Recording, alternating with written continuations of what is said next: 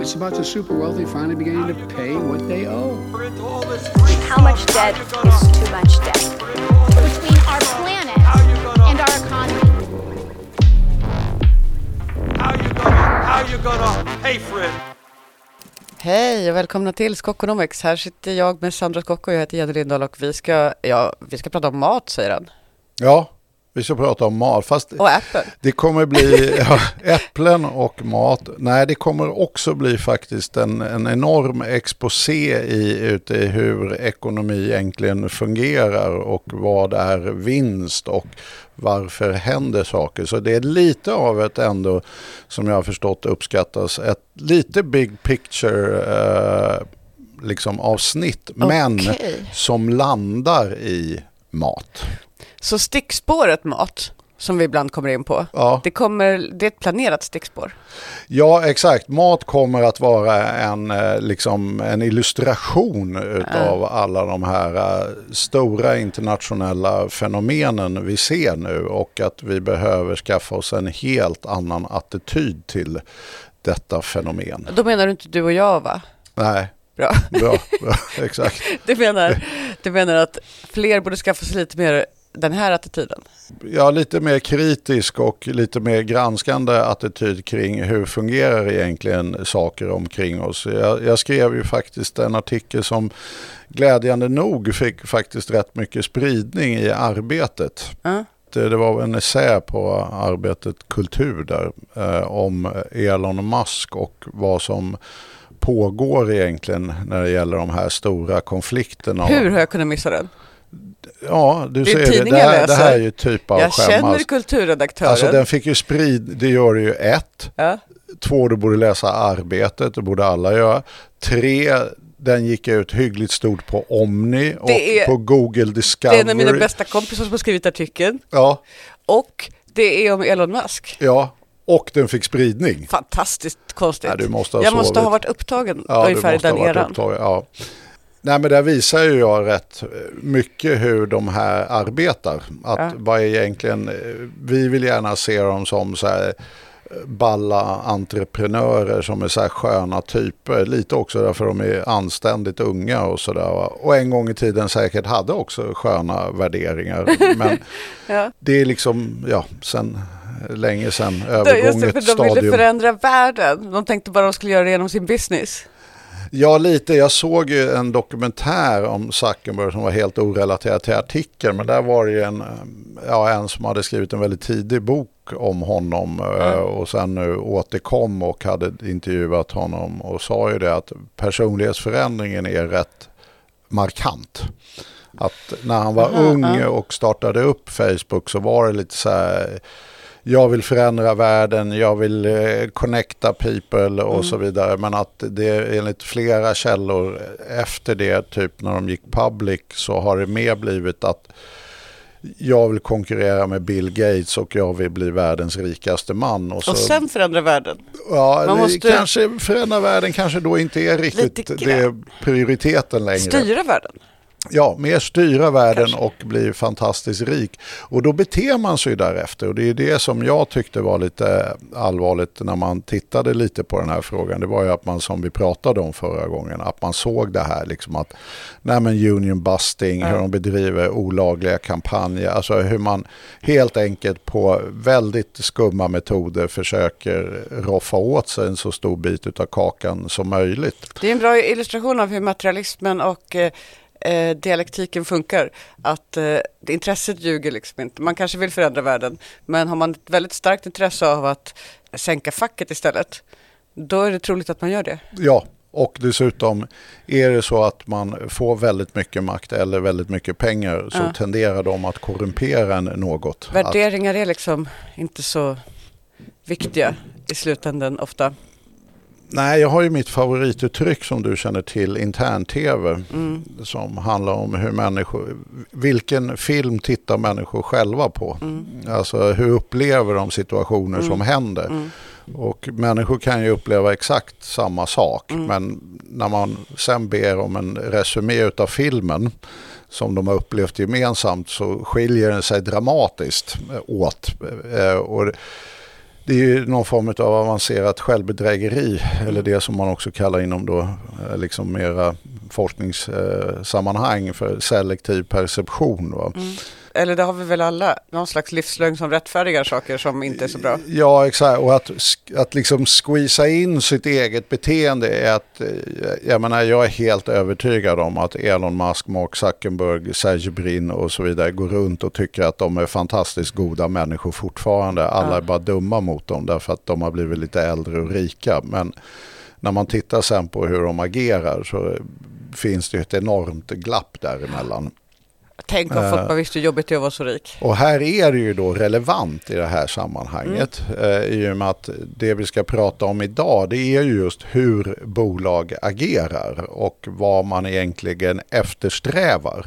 Eh, och där blir ju det här glappet monumentalt. Eh, menar, om man nu tar då Sergey Brin och Google och det moderbolaget som har ju då sin, jag brukar ju basha Apple för att de egentligen tar ut skatt av människor via sin App Store. Alltså det är en marknadsplats bara. Alltså det är lite som, ja, som medeltida första kom på. Alltså vad du hatar Apple. Ja, jag vet. Men, ja, men, och, och Google faktiskt, även om jag... Är det konstigt, företag, är det konstigt att de tar betalt för tjänster? Nej, men däremot så är det som är konstigt är ju så att säga att vi, vi brukar ju ha en idé om att marknadsplatser ska liksom vara fria. Att det, man, man kan inte ta betalt för att två andra företag möter eller att ett annat företag möter sina kunder. Okej, men du säljer något på Blocket och så betalar du lite för själva annonsen. Ja, exakt. Ja, men det gör man ju. Va? Men det som är här är ju det att de äger ju varsin liksom halva kan man nog säga Ja. utav marknaden i sina marknadsplatser. Då är det ju fullt rimligt så här, ja men eh, vi tar en fi för att drifta typ en plattform eller någonting. Men det är ju inte, de tar ju 30% av alla intäkterna. Va? Utan de lägger ju eh, i praktiken en Tar skatt. Apple 30% av intäkterna? Ja, och det, och du, Det är ju för mycket. Och de tvingar ju in dem i att du måste använda betalningssystemet via App Store. Så att alla försöker ju runda det här, bland annat då Epic Games som man nu har haft en, en domstolsförfarande förfarande med och där Epic var förbannade över att ja, de snodde en stor del av överskottet av deras eget arbete helt enkelt. Ja.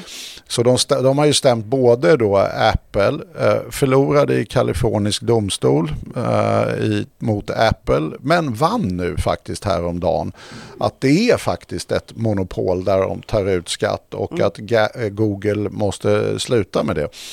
Och det, det är ju liksom, det är ju egentligen den gamla medeltida föreställningen. Alltså det var ju så man skapade förmögenheter även på den tiden. Man byggde en marknadsplats som första.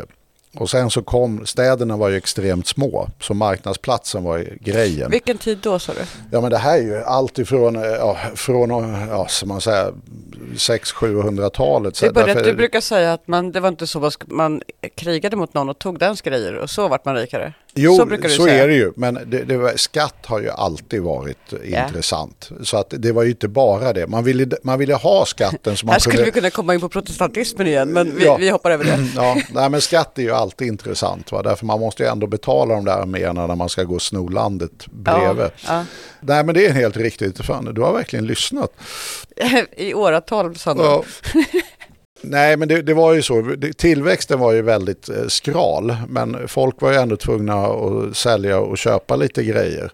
Och då ville man ju naturligtvis ta ut skatt på det där människor sålde och köpte. Jag Ja. menar, någon gjorde någon eh, ja, hästsko och så ville man, bytte man det mot vete eller Ja. något liknande. Inte mikrovågsugn på den här tiden. Nej, inte mycket. Och, så, vet du, och då träffades ju de som var i omnejden utav en, liksom, en liten stad, som det alltid var på den tiden. Jag menar Rom gick, vilket är rätt tydligt då, därför vi kallar det lite mörka medeltiden. Det gick ju från att vara en miljonstad med vatten och avlopp och moderniteter till att under medeltiden var 50 000 invånare. Och då var det fortfarande en anständig stad. För att det de inte förstod medeltid. det här med marknad.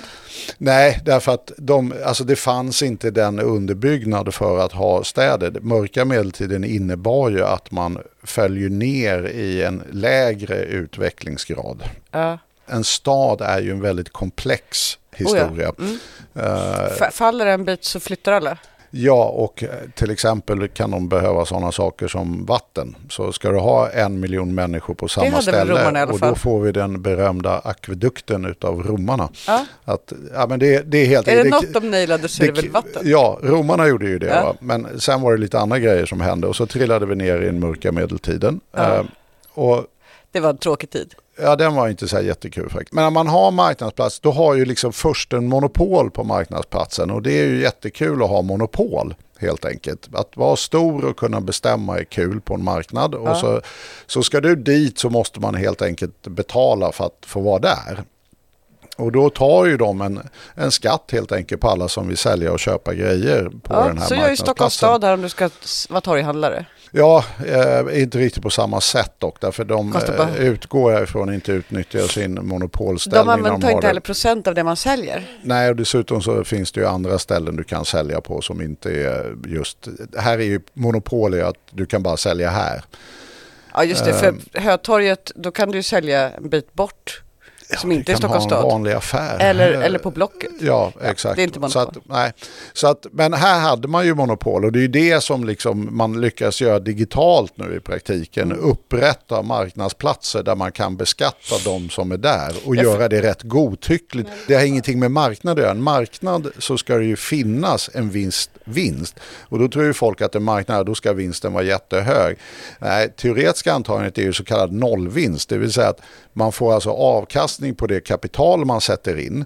Men konkurrensen ska vara så hård att det blir inte större vinster än att man får den rimliga kapitalavkastningen.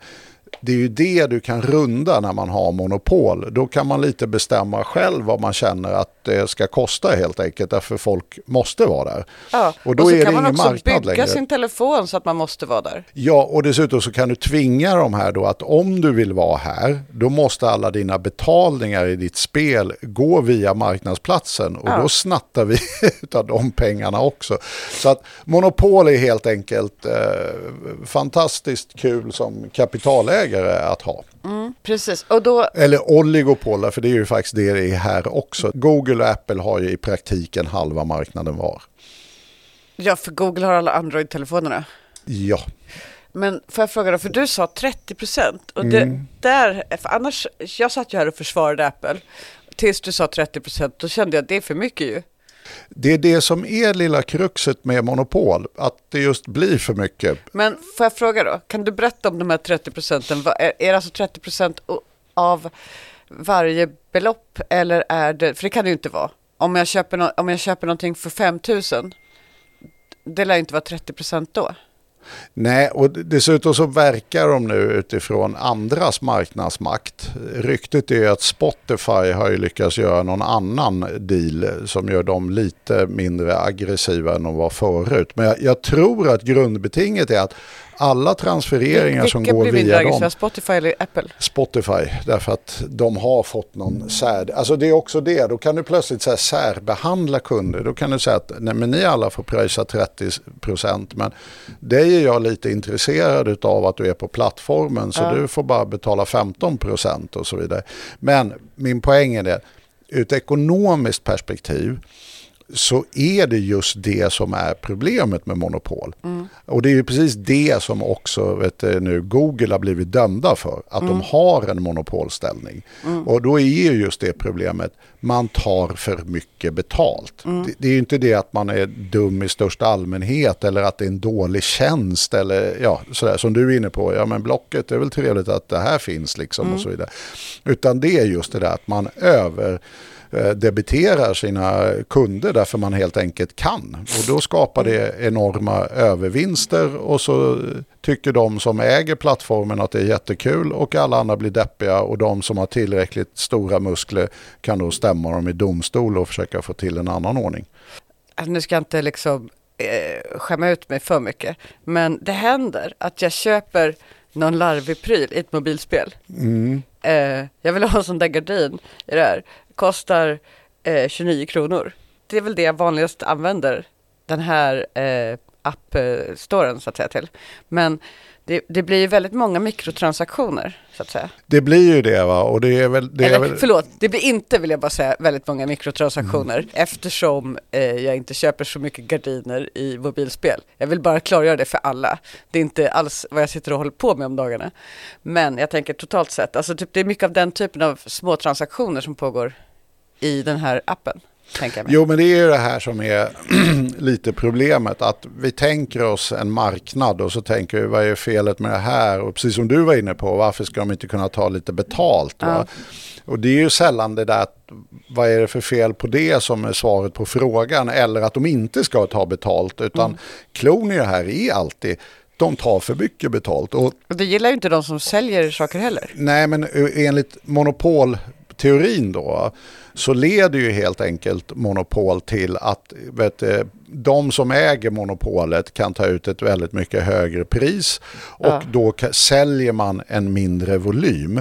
Så det de gör är att de helt enkelt maximerar volymen i förhållande till intäkten. En- Hängde Ja. du med på den? Att de säger så här, om, om vi tar en miljard betalt för det här, Mm. ja, men då kommer ingen köpa det här. Men vi skruvar på de här parametrarna och det här är ju människor som har väldigt mycket tillgång till algoritmer. Va? Så att vi ser till att vi maximerar vår vinst och därmed så blir ju volymen en res residual. Va? Det vill säga att människor kommer få mycket mindre prylar därför att man tar ut en kraftig övervinst. Men från bolagets sida om man har monopol, och det här kan man rita med kurvor, ni kan googla det här på nätet, hur, hur prissätter ett monopol? Nej, jag tycker du ska beskriva den här kurvan som du brukar göra. Nej. Först går det lite fram så här och sen, det blir Ja. liksom som en backe. Jag, jag tänker att det är lättare att man googlar upp en Det är inte alls lättare, men okej. monopolprissättningskurva. Det är Eh, lättare för alla. Och det är då alltså inte marknadsprissättning. Nej. Eh, och det leder då till att det blir mindre prylar där ute i samhället. Ja. Eh, och det är ju dåligt och vet, för människor. Och dessutom så Ja, om är det det ju så att de behöver i alla fall. Ja, men det blir mindre lönsamt också för företag att göra innovationer och förändra sig och så vidare. Därför att de här andra sitter och snattar pengarna. Ja, va? alltså ingen har ju ett jättestort intresse av att en mellanhand ska så att säga, ta för stor vinst. Vare sig det är Coop eller Apple. Det är det som är lite tricket här och Mm. vad som är då problemet när man är alltför marknadsdominant. Va? Mm. Eh, Och det här är ju ett lysande exempel på detta. Va? Och då hör man ju, Google vart ju nu fällda i domstol här i veckan för just sin monopolställning. Eh, straffet är ännu inte utdömt men det kommer väl om någon vecka. Då är det så Mm. Det roligt blir straff, då blir Straffet blir inte bara att de måste ändra sig utan de kommer få några böter och så. Nej, Epic har ju inte begärt det. Nej, okej. Epic De är alltså en de ska sluta spelutvecklare. Ja, de vill bara att de ska sluta och jävlas. För det är väl egentligen större lite... straff än att... Ja, det är det ju. Alltså Ja. de drar ju in alltså, hur många miljarder som helst på denna transaktion. Va? Så det här är ju en av deras verkliga core business att sitta på det här monopolet. Och då blir ju den här vet, eh, frågan, hur ska vi tolka det här? Då är det rätt kul att läsa Googles svar då. Att, eh, det här är en jättedålig dom därför vi strävar efter att eh, ge bästa konsumentupplevelse och vi vill ju stödja våra eh, utvecklare som är på vår app. Och så. Alltså det är ett sånt corporate bullshit från hell. Liksom. Jaha, det här är en ren Det är här, välgärning. ja, det är, ja, det låter verkligen som att det är ren det, det välgörenhet. ni tar ut är egentligen bara omkostnader. Ja, typ knappt. Knappt det är lite så här, det. är det- snarare det- så att de bjuder lite på Ja, det omkostnaderna. här är lite ideell verksamhet Ja. för att människor ska kunna connecta med varandra. Eh, ja. Så att det här är ju naturligtvis återigen en sån här, hur, hur ska vi förstå den här världen? Epic hävdar ju med en rimlig position att det här håller ju tillbaka hela utvecklingen och det leder till att de som utvecklar produkterna inte får betalt som borde få betalt och så vidare. Va? Eh, och vad är då, varför är det här så spännande och så intressant tycker jag då? Och varför är det relaterat till mat kan man undra sig nu när vi har tagit en lång omväg via medeltiden som vanligt. Ja. Jo, därför det här är ett extremt generellt beteende. ja, för att den som har lyssnat noga på Skokonomics vet ju att vi har ju en eh, oligopolställning. Vi har ju flera stora matjättar som styr priserna, eller hur? Vi har ju det och vi har stora vet du, banker som styr priserna. Vi har stora elbolag som vi vansinnigt nog har fullt ut privatiserat, inte minst på nätsidan och så vidare. Så att eh, vi, vi håller ju på att bli en ekonomi utav att det är allt större helt privata aktörer som äger en allt större makt att faktiskt kunna sätta sina egna priser. Ja. Och det är en väldigt, väldigt dålig verklighet. Och det, det, jag tittade lite på det här, vet du, just här market concentration. Eh, alltså, vilket betyder då, alltså hur stora är de största bolagen i förhållande till hela branschens eh, Intressant. eller hur? Det är väl ändå inte helt ointressant. Ja, Alltså att- kollade, vadå, kollade du överlag i världen eller vadå? Ja, ja, precis.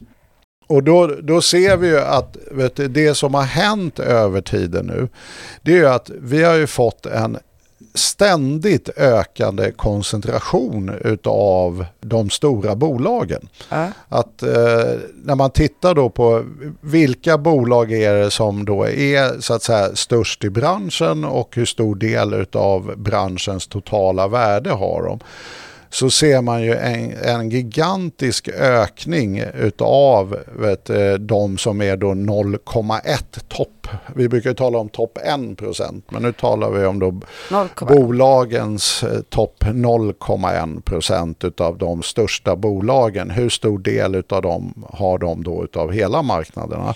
Okej, de, de 0,1 största bolagen i världen. Ja, Bara det är ju en konstig grej för att alltså, ett bolag kan vara jättestort men ha flera underbolag. Nej, men det är ju koncerner det här. Ja, okej, bra. alltså, Ja. det är inte... eh, Största, de största liksom De största klustren bolags... här. Ja, alltså koncerner, det Mm. spelar liksom inte så... Utan, och då bra. tittar man ju då på olika branscher och tittar man på alla bolag tillsammans, vad har hänt här?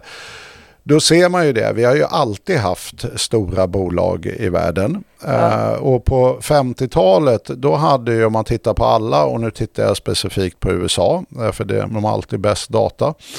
Eh, lättast att hitta data i varje Ja. fall. Eh, Men det här är ju precis likadant i EU och överallt. Eh, Och då har, då har ungefär, vet du, mitten på 50-talet så är 50 procent utav eh, det totala värdet i en bransch är koncentrerat till de här jättestora bolagen. I snitt. Så att, ja, i snitt. Och det, det är ju liksom, det är ju rätt mycket bara det. Ja, verkligen. Eller hur? Men ändå, då finns det ju 50% som är massa småbolagen då. så Ja, då kan man det är ändå ganska tänka sig stor att, marknad. Ja, det, då, jag finns det ändå det lite... kom- ja, men det är ju så här, hälften är de här jättarna och hälften är massa eh, mindre, alltså de är ju inte små. Alltså tittar man på topp en så stiger ju det där dramatiskt. Då. Men, Ja. men ska man titta utifrån sådana här mer oligopolsituationer då är ju topp 01 är ju inte mer relevant än topp 1. Därför topp 1 blir ändå ett gäng företag liksom.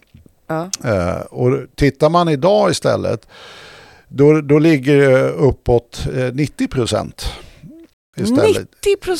Ja, utav total value då. Utav, och Wow. det, det, det där är ju en utveckling vi har sett och det ser vi ju då i... Så att konkurrens i världen idag, marknad, består bara av 10% egentligen av världens typ BNP eller vad man ska säga. Tittar man på företagssektorn så skulle man kunna tolka det så. Ja, ja det är helt riktigt. Och tittar vi då på till exempel då finansiella sektorn Ja. på 50-talet Ja. eh, som en delmängd utav det här då. Då ser vi att eh, ungefärligen 46 procent var 1955 var de stora bankerna. Va? Idag är det uppåt 80 procent eh, som domineras utav de stora bankerna. Så att vi, vi har liksom en sån här koncentrationsvåg ända sedan 50-talet som bara blir större och större. Jag önskar verkligen att jag hade dragit mina Apple-data innan för nu kommer de bara kännas sunkiga efter du har sagt det här. Känns de sunkiga? Nej, men jag tänkte berätta, eftersom du jämt pratar skit om Apple, Ja, eh, så tänkte jag berätta hur vår lyssnarstatistik ser ut. ja, Men nu kommer vi bara kännas som slavar då. ja det, är, det är det jag försöker få så det lite blir inte den... roligt det jag skulle dragit det först alltså. Så hade du kunnat säga, ja men så är det. Och så, ja, så förlåt då att jag drog data. Men nu kan jag inte dra det med, typ, ja du fattar. Nej men alltså tittar man då på services eh, så är det ju en ännu mer i någon mening dramatisk utveckling där det går ifrån att en fjärdedel, därför man kan ju tänka sig så här, ja men manufacturing då finns det skalfördelar, manufacturing är ju till exempel verkstadsindustrin, att Jo, jo, men vi sprider ut de här kostnaderna och det är stora kapitalkostnader och jäda jäda. Va? Att, liksom, här finns det någon rational för skalfördelar som det heter då på fackspråk. Att det blir billig, outputen per enhet per bil här då. Den blir billigare om jag producerar många bilar. Det är liksom, och då finns det ett drag emot att låt oss bli stora. Liksom.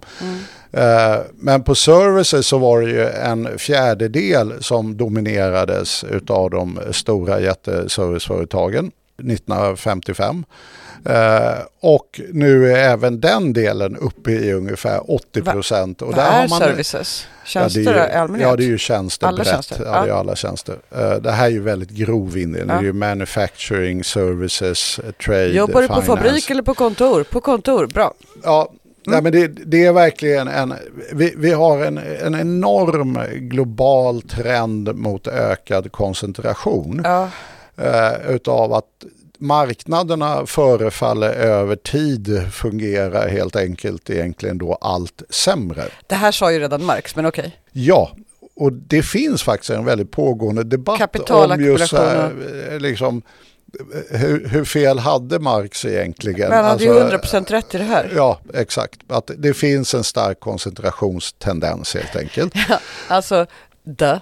Och nu tänkte jag slå ett litet slag för en egen artikel jag har skrivit i någonting som hette Social Europe. Ja, Som som, som, de som har följt dig länge vet att där publicerar du dig ibland. Ja, och Dåligt namn på en publikation. eh, För att Ja. den är ganska tung. Ja, Eh, Det är liksom en, det, du, du sitter ju och skryter nästan här om att "Ja, jag har skrivit lite en artikel i Social Europe. riktigt så illa är det faktiskt inte. Ja, jo, nej men alltså det, man hör ju på tonen att det är liksom, det är lite tungt. Jag säger det mest bara för att jag, publikationens namn gör den inte helt rättvist. Det låter ju som inte en riktig tidning. Det är inte en riktig tidning, den är Nej. digital. Ja, men alltså, okej, men det tycker jag inte är kriteriet för riktig nu Nej, för tiden. okej då. Den är- Nej, inte nu för tiden. Men... Den är tung och viktig och det är mycket så här nationalekonomi och så där. Jo, den har ju lite spridning onekligen. Därför när jag skrev en artikel om Grekland så ringde BBC upp direkt och var så här, wow, det här taket har vi inte sett förut. Kul! Ja, så jag gav en liten BBC-intervju där. För ett take, det är inte illa. Nej, det är inte så dåligt faktiskt. Men den här artikeln handlade inte om det, utan den handlade om den ökade ojämlikheten i världen. Eh, vad är det vi egentligen gör åt det? Sen visade det sig att, vilket jag inte hade en aning om, jag hittade en intressant bok som jag tänkte som handlade om inequality eh, in the world, Ja. eh, som var en antologi. Så tänkte jag, den här var ju spännande, den ska jag ju kolla upp. Ja, då visade det sig att första kapitlet hade jag skrivit. Jag visste att du skulle sluta där. Ja, de hade inte informerat mig om att de hade publicerat det bara. Men, Men- okej. men- men då var det väl en intressant bok då? då? Det var en intressant bok Ja. faktiskt. Och det var ju kul att de valde mitt paper som det första eh, kapitlet. Ja. Men där då för sex år sedan så konstaterade jag redan de här stora trenderna. Och då konstaterar jag också någonting annat utifrån en forskning som en person som heter Berka Shai har gjort som är från eh, University of Chicago. En sötvattensekonom. Också nationalekonom ja. Eh, och att han, har, han tycker att det är lite lurigt det här. Va? Därför, och nu kommer vi till vad ska man då ha för vinst? Alltså det är det, Ja, är alltså det, det blir lite sällan det här. Åh, ska någon bestämma vinsten och så vidare. Eh, och det är inte riktigt det det handlar om. Men det finns ju en idé om vad vinsten ska vara på en fungerande På samma liksom, sätt som med marknad. inflation och så då? Ja, exakt. Va? Så Eh, om- då, Om, om, om det här systemet som inte funkar skulle funka, då skulle Ja. det vara så här. Exakt. Va? Och, och då säger man ju det att man, man tar den här, därför allting, alltså det är ju kapitalavkastning som vi talar om. Va? Alltså det är det som är vinst i praktiken. Alltså det, det är kapitalister intresserade av det är att jag ger en miljon till någonting eh, och jag bryr mig egentligen inte alls vad det är. Eh, och jag vill ha tillbaka en viss procent. Ja. Det, vi försöker snöa bort det här genom att säga, nej men de är eldsjälar och de brinner för det. Nej, i grunden så är kapitalet funtat så att man vill att någon tar en miljon och man vill få tillbaka en procentsats på den miljonen. Och det är kapitalavkastning. Typ, jag ger en miljon, ett år senare får jag tillbaka en miljon 100 000. Då har jag fått 10 procent i kapitalavkastning. Ja. That's the magic of capitalism. Ja. Liksom. Och inte mycket mer eh, svårare än så är det. Eh, och då kan man ju tänka sig då, hur ska den här kapitalavkastningen se ut? Alltså det vill säga vinsterna i näringslivet. Ja. Hur tänker vi att det här ska fungera? Jo, då tänker man att jo, men om jag nu är kapitalägare och det här systemet skulle funka, då vill ju jag ge någon en miljon. Ja. Eh, och så då finns det ju ett riskfritt alternativ. Och det är ju typ svenska statsobligationer. Vänta, du vill ge någon en miljon för att få avkastning? Det vill jag göra. Därför om jag tar min miljon och gömmer den i madrassen, Mm. då har jag en miljon kvar ett år senare. Eh, och då, men då Du skulle kunna sidan- haft 1,1 miljoner.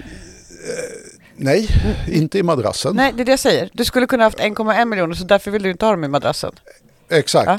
Men då kanske man är en sån här tråkig typ som är riskaversiv. Så att jag vill inte ha dem i madrassen. Men jag vill inte heller ta någon risk. Så jag vill inte ta risken att den där miljonen inte finns om ett år. Nej. Och då finns det någonting som benämns som riskfri avkastning. Det är då till exempel svenska statsobligationer. Att Mm. staten kommer ge dig tillbaka den där pengen. Mm. Men då får man inte så mycket avkastning. Nej, det hade ju varit orimligt. Då skulle ju alla bara köpa det. Ja, utan då får man bara lite mer pengar. Men å andra sidan så vet du det. Jag får tillbaka min miljon Ja. och lite till. Eh, Så att vi har den här riskfria som golv. Ja. Den riskfria räntan är golvet för vinsterna.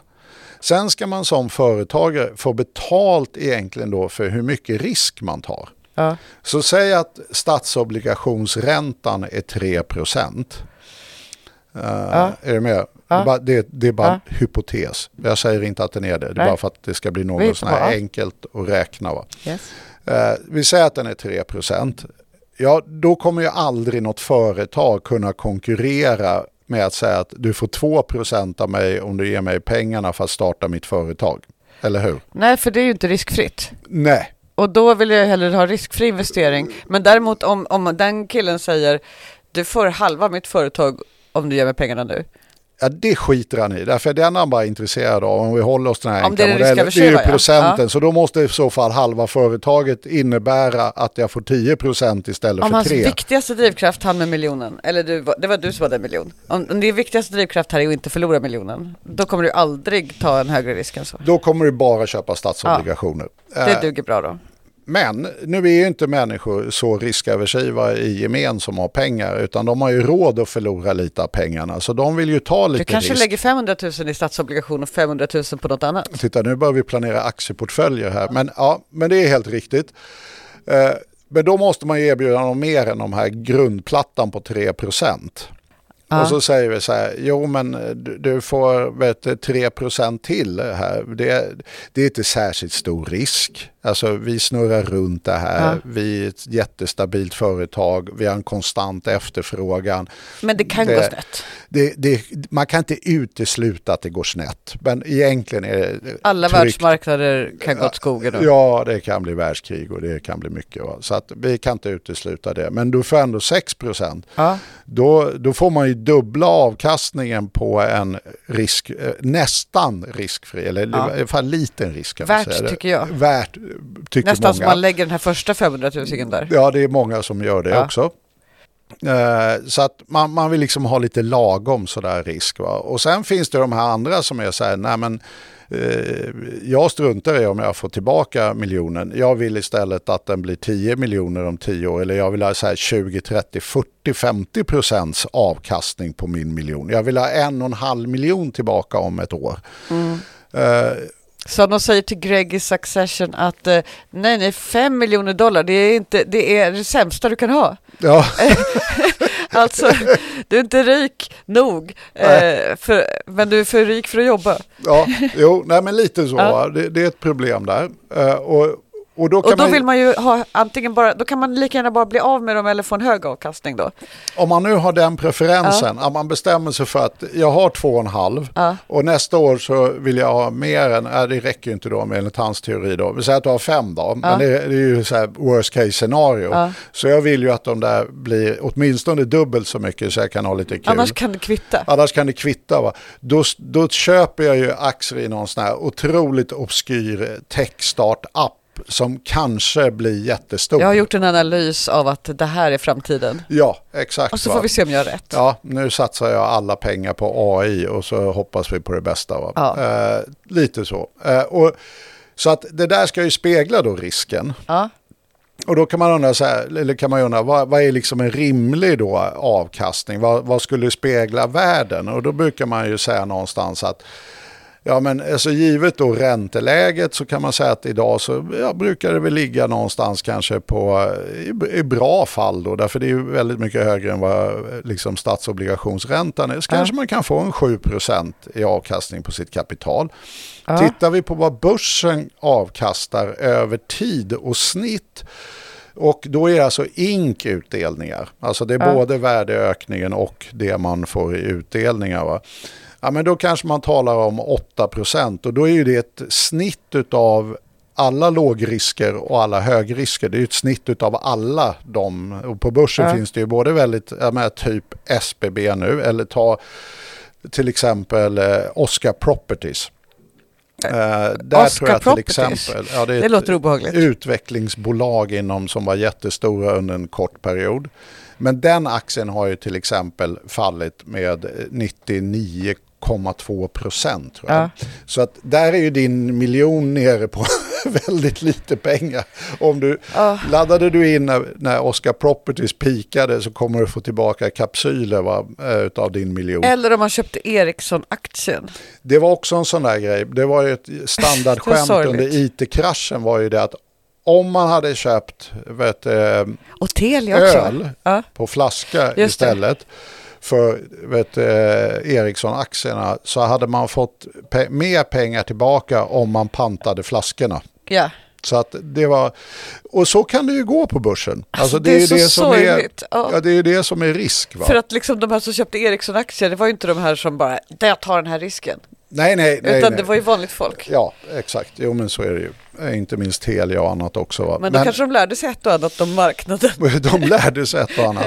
Men så tänker man kring vinst. Ja. Så att liksom har en kapitalavkastning på så här, mellan 7 och 10 procent. Ja.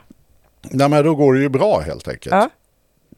Eh, och du ska ju motivera då att du tar jättestora risker om du vill egentligen ha mer Ja, avkastning. men om du hade de här fem miljonerna, då får du 350 000 om året. Det är bra. Ja, det är ju exakt va? det är ju trevligt. Ja. Så att vet du, det där är ju liksom den här matten kring vinst. Så att nej, det finns en uppfattning om vad ungefärligen vinsten ska Sju till vara. tio då? Ja, men typ så. I kapitalavkastning då. Alltså Om man kollar till på alla exempel- de abrovinkerna. Vi har kollat på kommunikationsbyråers vinster. Mm. De ligger ungefär där. Och Ja. då kan man tycka så att de är väl röviga ändå. Kommunikationsbyråer har ju inte jättegott rykte utan man tänker sig att det är ett gäng stockholmare som ordnar kalas och tar betalt då. Ungefär så. Ja, Ja, och du kan branschen bättre än det är jag. också delvis så det ser ut, men Mm. inte helt då. Mm. Men då tänker man så här typ att de, och, och de har väldigt lite investering i liksom, de, de har personal som, ger, som, som ordnar saker åt andra. Och då är det ju inga liksom, stora kostnader utan det är goda förutsättningar för vinst. Men den ligger på 7-10 typ. Ja, nej, men det, det är ju rimligt. Mm. Alltså, där någonstans eh, ska det väl ligga liksom, om en eh, ekonomi fungerar. Och då måste man ju komma till den här grejen. Men hur ser det då de facto ut? Ja. Eller hur? Va, vad har vi för värld omkring oss? Det Ja. tycker jag ändå är relevant. Och i den här lilla artikeln då från Social Europe, eh, vad hette den nu då? Eh, The Vicious Circle of Inequality som jag skrev där. Snyggt. Ja, eller hur? Ja. Eh, jag utnämnde nämligen en virtuous eh, circle och en vicious circle. Eh, Du är bra på det här med ord. ja, tack. Vad snällt av. Och siffror. Ja. Vilken kille. Vilken kille. Eh, jo, nej, och då, vet, du, då konstaterar jag utifrån den här vet, Barkais forskning att det, det rimliga vi egentligen skulle ha sett de senaste 30 åren är ju kraftigt fallande avkastning. Varför då? Ja, jo, därför det finns ju en vinstformel. Ja. Och vad var golvet? Vad var golvet? Den riskfria avkastningen. Ja, Exakt. Hy- exemplet 3. Den Ja, riskfria alltså så är tre. Ju golvet. Här kommer vi nu till varför vänstern traditionellt alltid har älskat låga räntor. Därför att i modellen Ah. Ja. håller låga räntor tillbaka vinstkraven. Varför skulle vänstern inte gilla vinst? Vi gillar inte jättestora vinster. Alltså, vi vill Nej men varför, ju... är inte det liksom typ att ingen borde gilla det? Ja, alltså kapitalägare gillar ju Jo, jo men de är vinst. få, få. De borde knappt räknas. Ja, politiskt sett så har vi väl egentligen en politisk an, liksom, ordning här i samhällena och ja, nu börjar den i och för sig luckras upp men traditionellt sett så har vi ju haft en halva som är för kapitalet och en halva som är för människor. Men den halva som är för kapitalet, de tror ju att De är kapitalet inte funkar. för politiskt. Nej, nej, de, men de tror att kapitalet funkar e- e- enligt modellen. Det åt, tror och tror. Ja, en del av dem tror det. En del av dem De tror. goda, de, de, de, en del de, av dem tror de säkert. gulliga liberalerna tror ja, det. men, Men, sen alla argumenterar som pro-business-människorna tror mera. Ja, och här finns det ju då en väldigt spännande del. Därför att Ja. om vi nu tar den här utgångspunkten att så här ser, så här ser allas modell ut. Alltså, Ja. Så det är inte jag som sitter med någon jättespeciell modell. Nej. Utan när den riskfria eh, avkastningen eh, faller, Ja. då ska också alla andra risknivåer följa med. Det är ju fortfarande så Ja. att liksom, den som tar jättestor risk ska få mer pengar och så vidare och den som tar liten risk ska få lite mindre pengar. här. borde Men hela vara så, nivån faller ju ner och Ja. då faller ju så att säga nivån på vinsterna. Och då kan man också ta ut mer av det så kallade förädlingsvärdet, det vill säga värdet av allt som produceras. Mm. Kan en större andel gå till löntagarna. Visst, men så länge Och man har det monopol spelar det där ingen roll som du säger nu. Vad sa du? Så, så länge man har monopol spelar det där du säger nu ingen roll. Nu, titta, det är där vi är. Mm. Alltså att då, då tyckte jag att det var lite spännande att titta på hans forskning därför att det vi ser är nämligen precis tvärtom. Mm. Vi har två kurvor som egentligen är omöjliga att förena teoretiskt. Den ena är kraftigt ökade avkastningskrav Ja, och den andra är kraftigt fallande realränta. ja. Och då är förklaringen där att de är för dominanta. Japp, och då är ju förklaringen nämligen också det, vilket jag konstaterar i den här artikeln, att tittar man på den här forskningen av de här jättemergerserna, alltså att jättest redan jättestora företag går ihop till ännu större jätteföretag. Så tittar man på den företagsekonomiska forskningen kring det här så är man rätt överens om att det finns inga som helst effektivitetsvinster och skalfördelar. Alltså de är sedan länge uttömda. De här företagen är så stora så att är det någonting det gör så ökar det förmodligen kostnaderna att producera den där Ja. prylen man håller på med. Va? Så att det går inte att hitta den här ekonomiska rationaliteten varför företag bara blir större, större, större, större, större. Därför det skapar ju byråkrati och bla bla bla och så här. Och då är väl både hans och min slutsats är ju det att man helt enkelt investerar i så kallad market power. Ja. Och det är ett fint ord för att säga att man kan påverka priset. Därför det kan man nämligen inte göra i en så kallad fri konkurrensmodell. Om du är företagare och säljer någonting så bestämmer marknaden priset och du får liksom anpassa efter det. Men om du är tillräckligt stor då kan du börja bestämma det själv. Det är precis det Google och Apple gör på sin app, sina respektive app stores. De, alltså deras eh, konstruktioner, de är geniala. De är, och det är inte konstigt att de drar in mycket pengar. För de, har, de äger ju alla delarna här som... Ja, Precis, och Google, är, vad jag vet, äger Android, eller hur? ja, ja. Ja. ja, ja. Ja men allting är ju connectat idag. Va? Alltså de har Google TV, eh, Google Mail, eh, App Ja, Store. Och YouTube ägs ja, av och Google också. YouTube. Och, så, så att Och sen liksom- resten kan man räkna med ägs av Facebook då, Zuckerberg. För att han, Ja. de har ju köpt Instagram och liksom så här. Så att, så att liksom marknaden är uppdelad. Och sen och resten av Apple. Så att, Ja, och, och det, det här gör ju det att du får ju inte en prissättning som speglar Nej. någon rimlig produktionskostnad. Och då har vi den här enormt starka koncentrationstrenden i världen. Mm. Och som skaffar sig då liksom prispåverkande storlek helt enkelt. ja.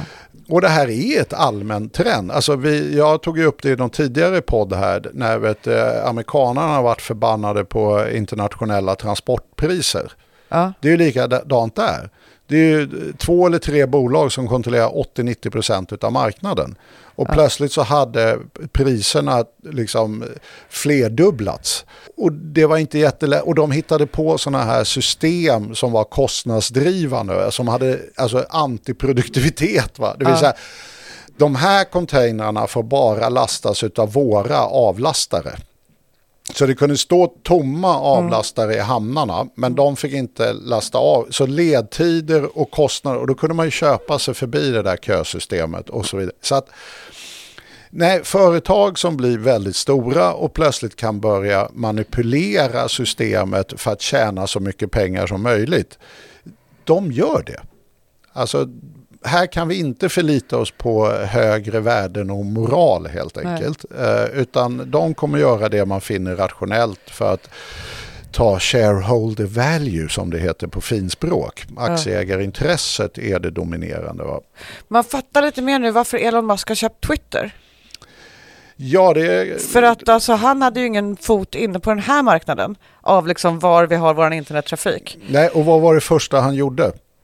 Ett namn till X? Ja, det gjorde han förvisso också, men det var tror jag inte ens var det första mer han gjorde han då? Nej, då gnällde han på alla andras monopolliknande situationer.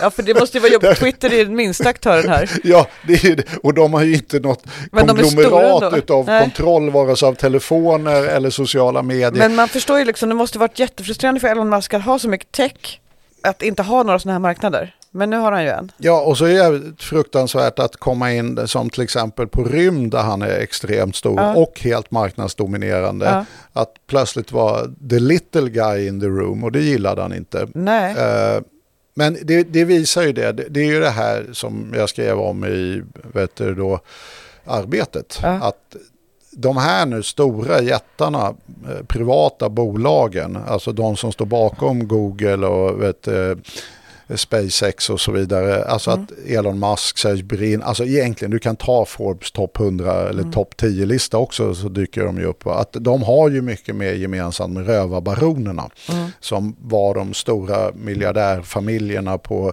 förra sekelskiftet. Eller förr, förra blir det väl tekniskt sett då. Eh, Men alltså det som mellan 18 och 1900 där.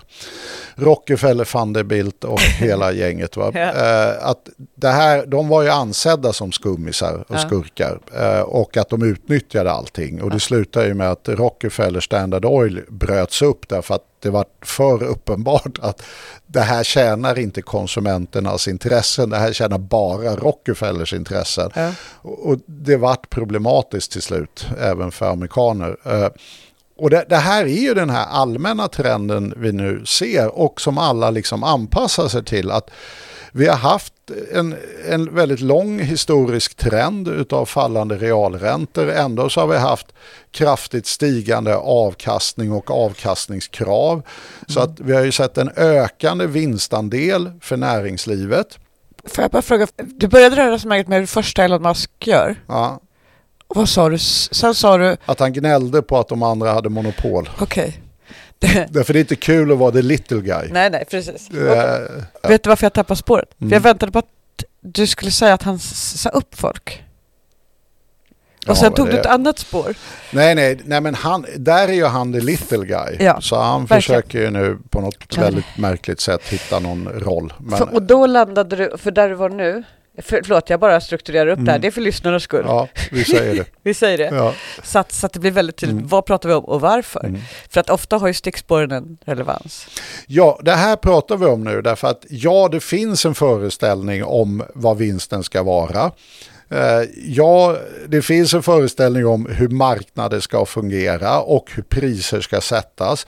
Och därmed så kan vi titta på världen och då kan vi ju säga det så här, nej men titta här, här borde ju vinstandelen och vinsterna falla och ha fallit de senaste 30 åren. Ja. Och istället ser vi exakt motsvar, eller motsatt utveckling, att vinsterna bara ökar och ökar. Och då kommer vi till det som vi har tjatat oss blodiga om, det här med greed inflation. Det. Och liksom att det som driver betalt, inflationen nu är vinsterna. Varför kan de ta ut så stora vinster när efterfrågan ändå går tillbaka? Jo, det är därför de kan sätta priserna själva. Det vill säga att de har satt marknadskrafterna ur spel helt enkelt. Det är väl dock ett chicken race eftersom så småningom finns det ingen som kan betala. Nej, det blir ju monopolprissättning. Va? Alltså, det är ju det. Alltså, Ja, men jag menar, det är monopolprissättning är inte att maxa priset. Nej. Utan det är att maxa vinsten. Och då försöker man ju hitta den här sweet spoten emellan.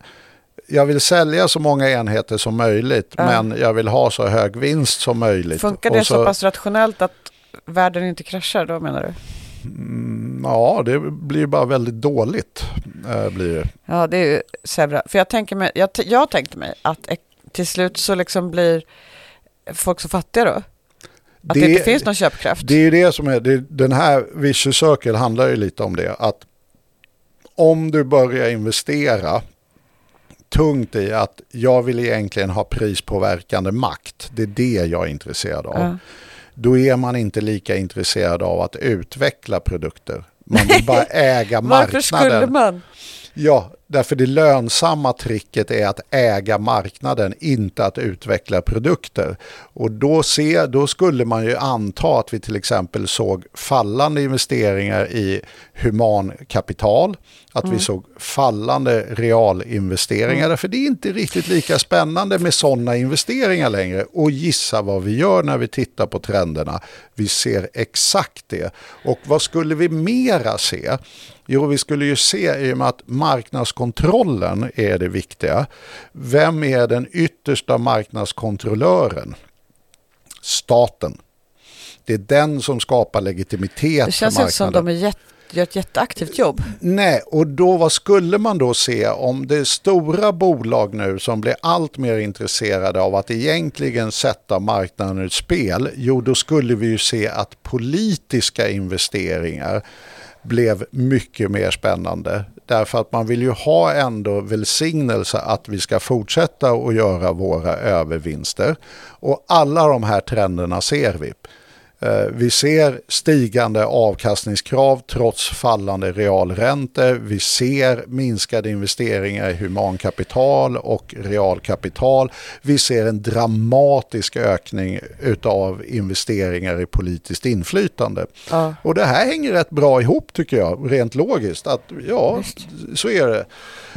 Och då måste man ju på något sätt skapa en politisk motkraft till detta. Va? Och, och framförallt uppmärksamma att det är så här det ser ut idag. Men kan vi sätta en pin i den? Politisk motkraft. Mm. Två saker innan, tänker jag. Det ena, du pratar om att man inte behöver utveckla produkter om man har en starkt marknadspåverkande grej. Men det räcker väl med att man är två, kon- två konkurrenter? Alltså typ Android och Apple utvecklar sina produkter fast de delar marknaden mellan sig. Jo, jo, men ett visst konkurrensinslag finns ju alltid. För de har ju, just där finns ju starka incitament att säga, kolla en ännu bättre mobilkamera. Jo, jo, nej men det är ju det. Apple och, och Android har ju ungefär hälften var. Och de, där får man ändå säga att de konkurrerar när det gäller Mm. produktutveckling. Det, det gör de ju och det är också ett, eh, så att säga, Googles argument i Ja. domstolen. Det, det var de uttryckligen sa det. We are in a fierce competition Med with Apple. DuckDuckGo. Ja, exakt. Och, men grejen är att det Ja, är inte Apple, sant. Fast, ja, när det gäller marknadsplatsen, ja precis. Nej, det är inte sant när det gäller de här funktionerna där de fort, att fortsätta utöva den här kontrollen över halva marknaden. Ja. Det kräver ju att de på något sätt håller då jämna steg med varandra. Ja. Men det är också med varandra. Det är det som kallas när man talar om oligopol, när det inte är ett företag utan två. Ja. Det är det som kallas då strategisk interaktion på Precis. Och fackspråk. jag tänker oligopol, om vi, vi kommer till mat sen kanske, men oligopol när det gäller mat, det är inte så mycket produktutveckling med mat. För Nej, mat, men- man vill ha sina havregryn som de alltid har varit. Ja, det vet jag inte om alla som jobbar i dagligvaruhandeln ska hålla med man om. vill köpa massa rå... Nej, men det är ju en viss produktutveckling, men det är precis nu om vi då går över... Nej, ja, vi kan inte gå över vill till inte mat. gå över till för mat. Du har inte sagt den politiska motkraften. Det är kanske bra om vi håller den på tech först också. Eftersom det är skillnad. Jag vill bara innan, Kina då? Kina är väl ändå en liksom motkraft? nej, För att det kommer TikTok och liksom, det kommer en massa grejer därifrån. Jo, det gör det ju. Men, men Kina har... Det, det vi liksom ibland eh, gör lite fel när vi tänker kring Kina. Det är att vi tänker att ja, men nu har ett land till industrialiserats eller på väg att industrialiseras. Eh, Det är det inte. Det är, en, det är en ny värld som håller på att industrialiseras. Hela västvärlden är lite drygt en miljard människor. Ja. Det vill säga att hela den västvärld eller industrialiserade världen som vi har idag motsvarar ungefärligen Kinas befolkning.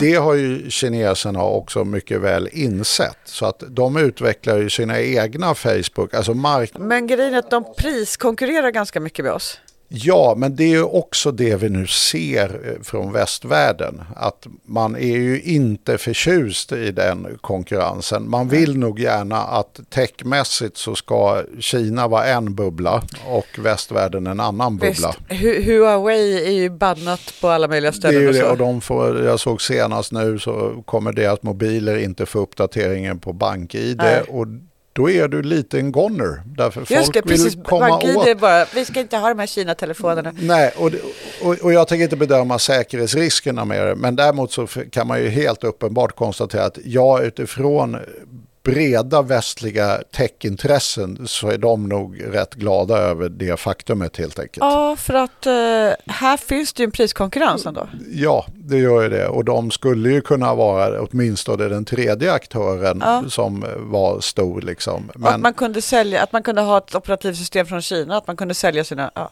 jo, men det här börjar ju något sådär, ja, techhandelskrig var på väg kan man väl säga. Ja. Eh, Här kan man ju fråga sig, för att var Kina främmande makt, massa ex-kommunister i uniform, det är inte bra.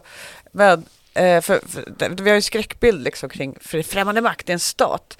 Eh, men jag, jag känner mig inte jättemycket mer rädd ändå för Kina än vad jag känner mig för Google. Alltså det jag tyckte var lite roligt var ju när den här debatten var kring att Kina skulle läcka privata uppgifter eller utnyttja privata uppgifter så drev ju amerikanerna inte minst det här väldigt hårt. Ja. Och, och då var det så här, de skulle kunna göra det här med de här uppgifterna de samlar in då på Ja. TikTok och annat. Va? Och det roliga var att det verkade helt världsfrånvänt. För de beskrev exakt allt det som redan Exakt, Google och exakt. Facebook hade gjort. Hela så man var tiden. lite så här, ja, men- ja, jag kan förstå att det där är ju inte bra. Så men- nu är vi överens om att det här är dåligt då? Ja, exakt. Lite så faktiskt kä- kändes det som att ja, det här tycker jag är dåligt, det håller jag helt med om. Men ni rabblade just upp grejer som typ era egna techjättar redan har blivit fällda för. Så att vi Men behöver vi kommer väl en- in problemet här också då med politisk motkraft. Den politiska motkraft som vi har haft mot det här, den har varit väldigt fokuserad på integritet, eller Mm, hur? Exakt. Den har inte liksom, vi har inte sagt så här typ de tjänar pengar på våra, för att man har ändå inte känt att det har varit ett så stort problem kanske. Ja, ja, de får min e-post, de skickar ett jobbigt e-postmeddelande och de tjänar pengar på det. Jag kan väl leva med det, eh, men jag kan inte leva med att de tar mina uppgifter och liksom typ eh, äger mitt liv. Men jag tänker liksom att vi kanske utifrån samma resonemang som tidigare att liksom det är materialism, alltså det är liksom den materiella verkligheten som spelar roll och inte ens åsikter. Mm. Så är det ju ändå kanske pengarna vi skulle ha tittat på och inte det brottet mot min privata integritet. Ja, den tror jag vi ska titta på också ärligt talat. Det var väl lite min poäng med det kinesiska. Att ja, de kan verkligen bryta mot integriteten. Eh, Men man är onekligen i en svagare situation om man själv just har åkt dit för att bryta mot den på 17 Visst, olika men vi har lagt sätt. våra argumentationsägg sen FRA-striden. Det håller jag I med om. integritetskorgen. Vi- Och den är inte, alltså integritet, jag, låt dem ta mina uppgifter, tänker folk. Nej, där jag är inte villig att gå dit, men jag är villig att gå till att det finns en annan korg som är precis lika viktig. Ja. Och den rör alla marknader och inte bara tech. Exakt, exakt. Alltså vi måste börja se det vi så. Måste, vi måste börja se det här mönstret att de det här här klasskamp som allt annat. Ja, de här extremt uppskruvade avkastningskraven har inte grund i att den riskfria räntan har skenat. Liksom. Och att vi måste också se att det skadar oss som konsumenter, hushåll, samhället och innovation, samhällseffektivitet. Allt det här skadas utav att de här otroligt dominerande prispåverkande bolagen springer runt och agerar som de gör. Va? Och det spelar ingen roll om det är Google eller om det är ICA eller om det är någon annan gigant på området som agerar på detta sätt. Va? Vi, vi måste helt enkelt bli mycket, mycket mer vaksamma på hur ekonomin de facto fungerar. Och, och det, här finns det ju en sån här enorm efter 30 års propaganda att alla är ju numera bara sköna entreprenörer. Ja. Och den här systemkompetensen verkar ha liksom lite försvunnit. Att nej, folk är inte bara sköna entreprenörer. Vi, liksom, det är ytterst samhället och statens uppgift att se till att det är liksom medborgarna som tjänar på utvecklingen och att den är liksom positiv för det stora flertalet. Och det kan man nog inte hävda med den bästa vilja i världen att de senaste 30-40 åren har varit. Va? Du tar ju liksom då, det är samma problem på den här marknaden som den här så att säga.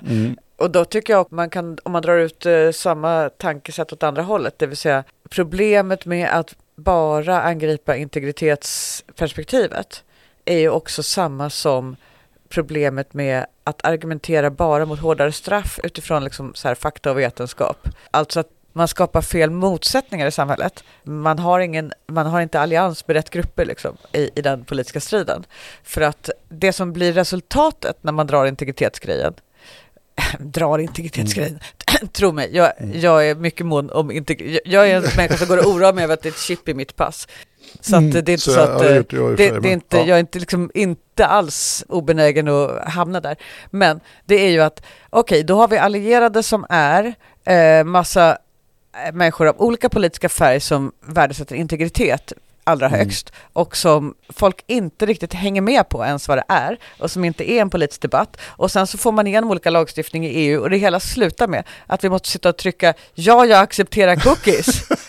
eh, och det är liksom vad vi har åstadkommit och det är ganska lätt att åstadkomma den typen av saker.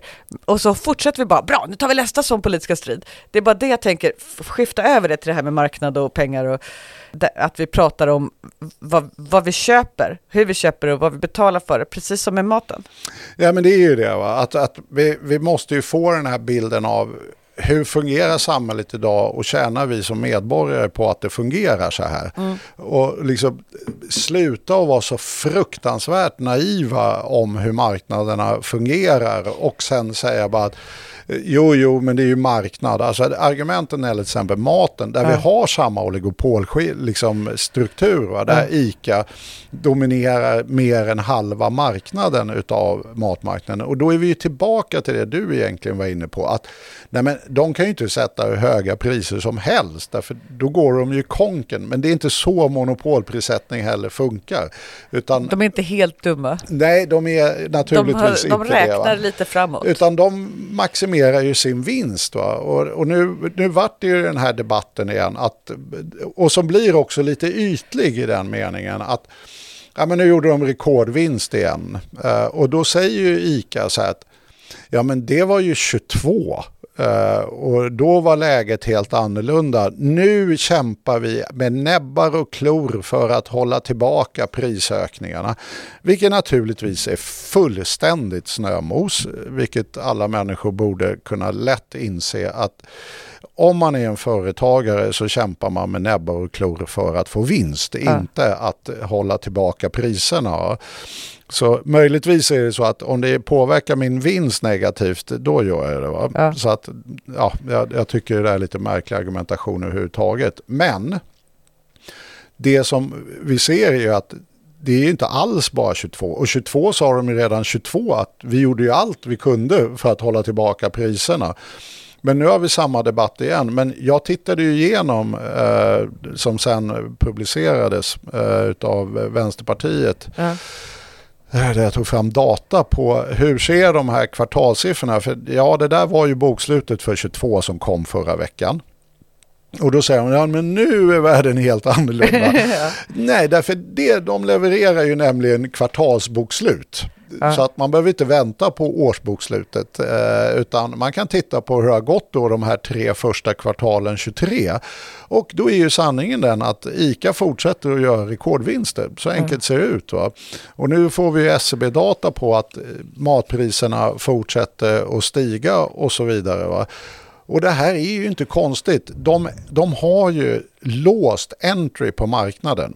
Därför då är vi inne på den här nu modellen. Jag gillar ju ändå att ha modeller i huvudet. Va? Ja, jag med. Ja, och då är det så här att nu har vi sagt så här, ja men har du så här, eh, säg 7-10 procent, så här, då är det liksom, då är det inte, man blir inte så sugen på att gå in där. Det, det är så här, jo, jo, jag kan ju starta en firma där, men jag får ungefär vad alla, utan då är ju även modellen tänkt att funka så att får jag liksom 20-30 procent i avkastning, då är det ju jättestora vinster i den där branschen. Ja. Då blir jag jättesugen på att hoppa in. Då till exempel nu, du var ju inne på PR-branschen. Om PR-branschen höll på att tälja guld med täljkniv hela dagarna. Då skulle du tänka direkt, wow, i den där branschen vill man ha. Man gör jättestora vinster. Ja, jag ska köpa aktier i den här branschen. Ja, eller köpa aktier. Ja. Eh, Nu är inte det kanske Eller så starta ett bolag eller så. Ja, eller starta ett bolag. Du vill Här helt bara- enkelt, jag vill också... Här duschar man i pengar. Ja, jag vill också få del av Ja, alla av ja. duschen helt Ja. enkelt. Det kallas ju då entry. Ja. Att då kliver ju andra företag in. Just det, det är väldigt låg entrykostnad i den branschen och därför så funkar konkurrensen. Ja, och vet du, då är ju då... Jag kan ju göra det imorgon. Och det är, ju, det är ju det som är lite roligt här, att det är det nämligen på matbranschen också.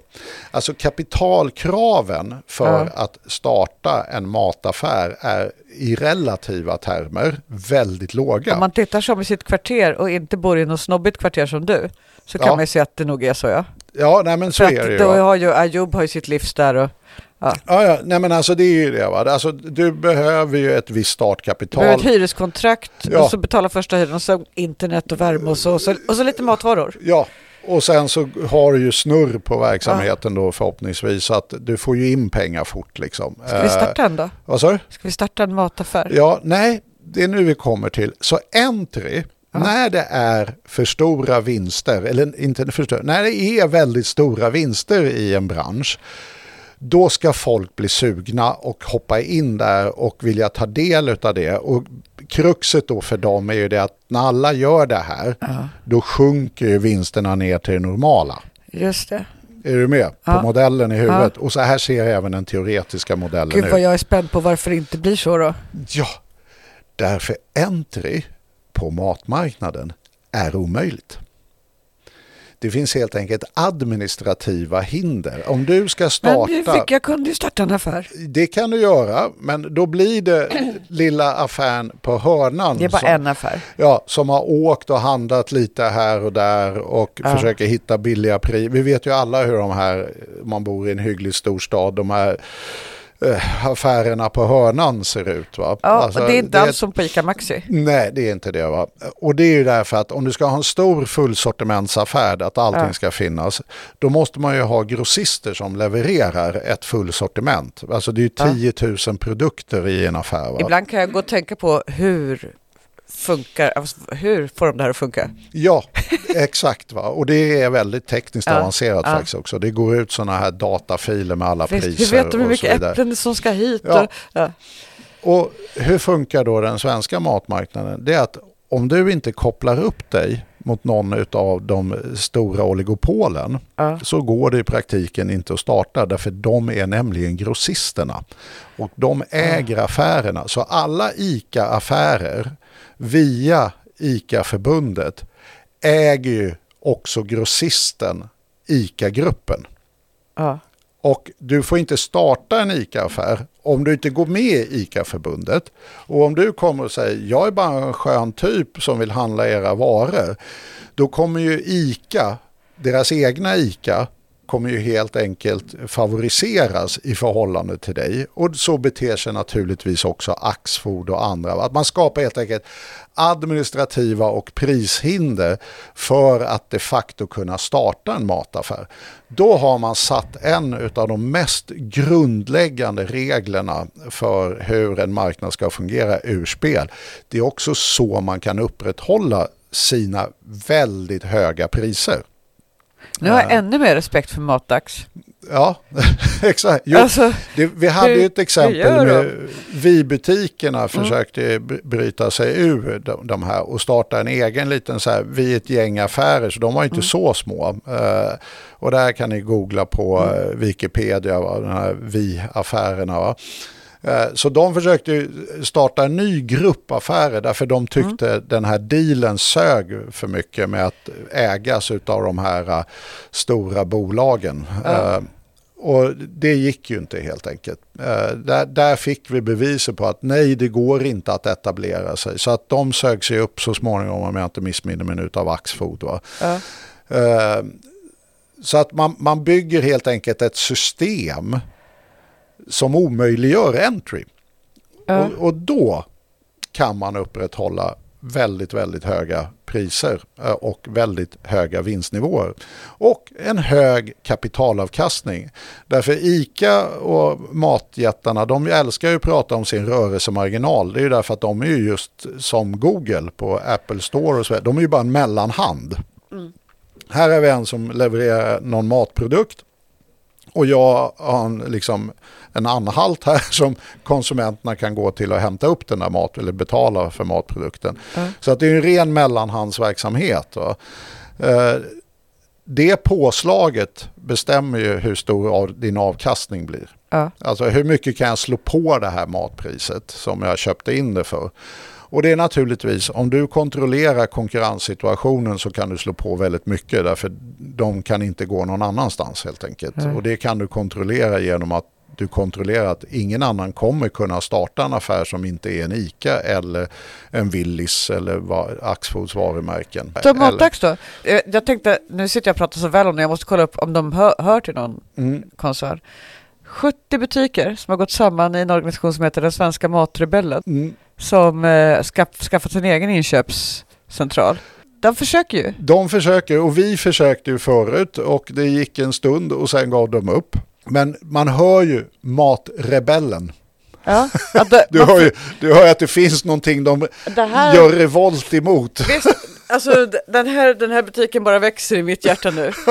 Matdags alltså, vad bra de är. Det är en direkt revolutionär verksamhet. Det är ju det. Tyvärr, Alltså- sist man bedrev den här revolutionära verksamheten så gick det tyvärr inte. Eh, Men de har hållit på länge nu, de här. Alltså Matdags finns sedan 90-talet tror jag. Jo, jo, nej men det, jo, jo, nej men alltså du kan ju, men du får Gud, ju helt enkelt en enorm... Det finns många andra bra butiker inom Matrebellen-nätverket också. Ja, exakt. Men det är ju det jag menar. Vi sitter i en situation där det i praktiken är omöjligt att starta upp en konkurrerande verksamhet för någon annan stor aktör. Och det är ju det vi ser också med Lidl. Kul att någon ens försöker. Det håller jag med om. Men Lidl är ju väldigt stora i andra länder. Det är väl deras Det är fördel då? det som är, alltså Så de vi försöker, de de är ju ICA i andra länder. Tyskland typ. Ja, eh, och att de försöker göra en inbrytning. Ja. Men de har ju också sina egna grossistled. Alltså de förlitar sig ju inte alls på alltså de svenska grossistleden. Utan de förlitar sig på att vi har själva byggt upp en struktur som kan leverera till de här affärerna. Det är ju så, alltså tittar man på vad Axfood, eh, Coop och ICA kontrollerar så kontrollerar ju ICA halva marknaden Ja. och sen så delar ju i princip Axfood på det. Sen har man lite City Gross och lite Lidl. Va? Eh, och det här är ju naturligtvis ja, ett problem för alla svenska hushåll som får betala den här väldigt, väldigt höga kapitalavkastningen som ICAs ägare nu har. Eh, Ja. Därför det är liksom det är du som betalar den när du går in och köper Jag dina vet. varor. Det är det som är lite så att de har inte Kvarg för trillat... 42 kronor. Ja, de har ju liksom inte trillat ner från himlen. Va? Och här har ju Vänsterpartiet kommit faktiskt med konkreta förslag att man måste bryta upp den här vertikala integreringen som det heter. Det vill säga se till att det är fullt möjligt att öppna en fullsortiments matbutik och att man har rätt att handla till samma priser utav alla grossisterna. Att det, inte får, det får inte vara så där att man, man delar upp marknaden i tre bitar och vi äger grossistled och matled. För då har du ingen konkurrens i grossistledet mellan grossisterna. Ica är väl en franchise dock? Det borde finnas en viss konkurrens mellan butik och grossist här också. Eller inte konkurrens, en viss liksom rivalitet här. Ja, Alltså alltså vem de- får mest av kakan? Ja men så är det ju och det pågår ju säkert en enorm, det, det vi till exempel ser nu, eh, det är ju det att man, man har ju en, det är ju fortfarande mataffärer som gör gigantiska vinster, men man lägger ju en större del utav överskottet i grossistledet nu i ICA-gruppen. Ja. Och ska man vara konspiratoriskt lagd så kan man nog tänka sig att det gör man därför att man just nu hellre vill ha överskottet i grossistledet därför det är ju handlarna som alltid pekas ut. Ja. Alltså att den här ICA Maxi gör 10 miljoner i vinst och sånt där. Va? Det spelar inte så jättestor roll därför det är lite av en administrativ fördelning därför de äger ju ICA-gruppen. Ja. Alltså de äger ju sina egna butiker men sen äger ju de i sin tur ICA-gruppen. De är ju utköpta ur börsen så att det är ju en full kontroll från ICA-förbundet. Ja. Det, det är lite speciellt där liksom. Så att, men det, det konstaterar ju också SCB att lönsamheten är ju liksom oförminskad. Men att affärerna får lite mindre av lönsamheten och mer ligger på grossistledet. Va?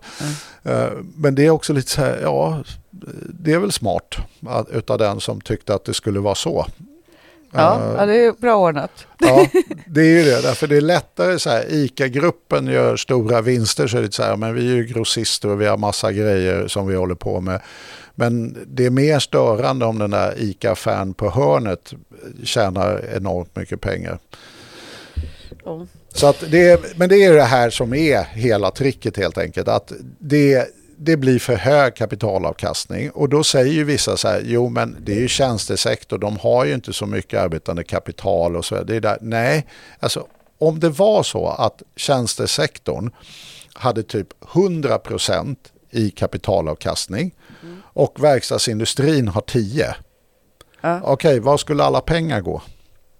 Om du har en miljon, vad skulle du lägga den på? 100% avkastning eller 10% avkastning? Det är en Jag retorisk tar fråga, Jenny. eh, lite av varje. Jag tar, jag tar lite av varje. Nej, men det, det, det är det här. Va? Och dessutom är det ju naturligtvis inte heller en riskbransch. Jag menar, dagligvaruhandeln eller mat är ju en väldigt konjunkturstabil verksamhet. Ja. Så att det, det är ju även låg risk. Va? Så att är det någonting det ska vara så ska de ju ha något lägre kapitalavkastning än andra mera högriskverksamheter. Eh, istället sitter man och tuggar i sig en väldigt hög kapitalavkastning. Så att, och det är därför att man har skapat sig kontroll över priserna.